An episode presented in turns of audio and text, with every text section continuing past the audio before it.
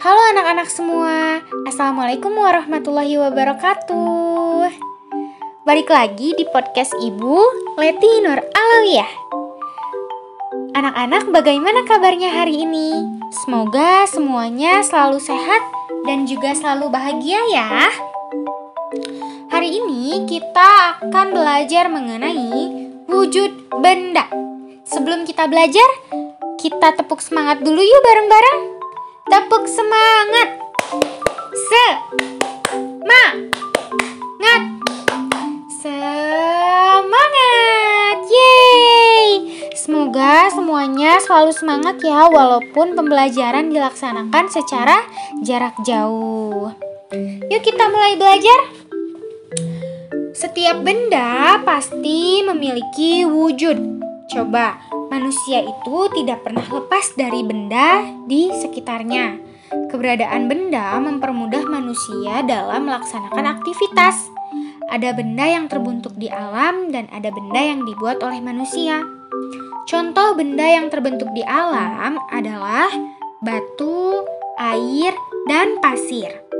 Kemudian, benda yang dibuat oleh manusia contohnya adalah mobil, gunting, dan kertas. Apakah anak-anak dapat memperhatikan perbedaan dari benda-benda tersebut? Benda itu dapat dikelompokkan dalam tiga wujud. Wujud apa saja ya? Yuk kita pelajari bersama. Setiap benda pasti memiliki wujud. Wujud benda ada tiga, yaitu benda padat, benda cair, dan benda gas. Contoh benda berwujud padat di antaranya adalah tas, buku, dan pensil. Kemudian, contoh benda yang berwujud cair yaitu minyak, air, dan kecap. Lalu, contoh benda berwujud gas adalah gas hidrogen, asap kendaraan, dan lain sebagainya. Coba anak-anak perhatikan di dapur, apakah ada contoh benda-benda padat, benda cair, dan benda gas.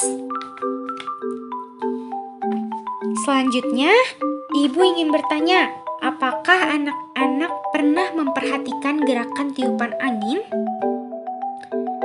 Angin itu adalah udara yang bergerak. Angin termasuk ke dalam benda apa ya? Ya, betul sekali. Angin termasuk ke dalam benda gas.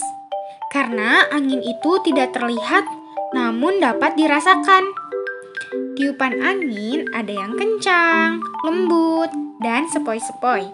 Ada juga angin yang bertiup sangat kencang seperti angin topan, angin puting beliung, dan lain sebagainya. Selanjutnya kita akan belajar mengenai ciri-ciri benda padat, benda cair, dan benda gas di podcast selanjutnya. Sampai bertemu di podcast selanjutnya. Wassalamualaikum warahmatullahi wabarakatuh.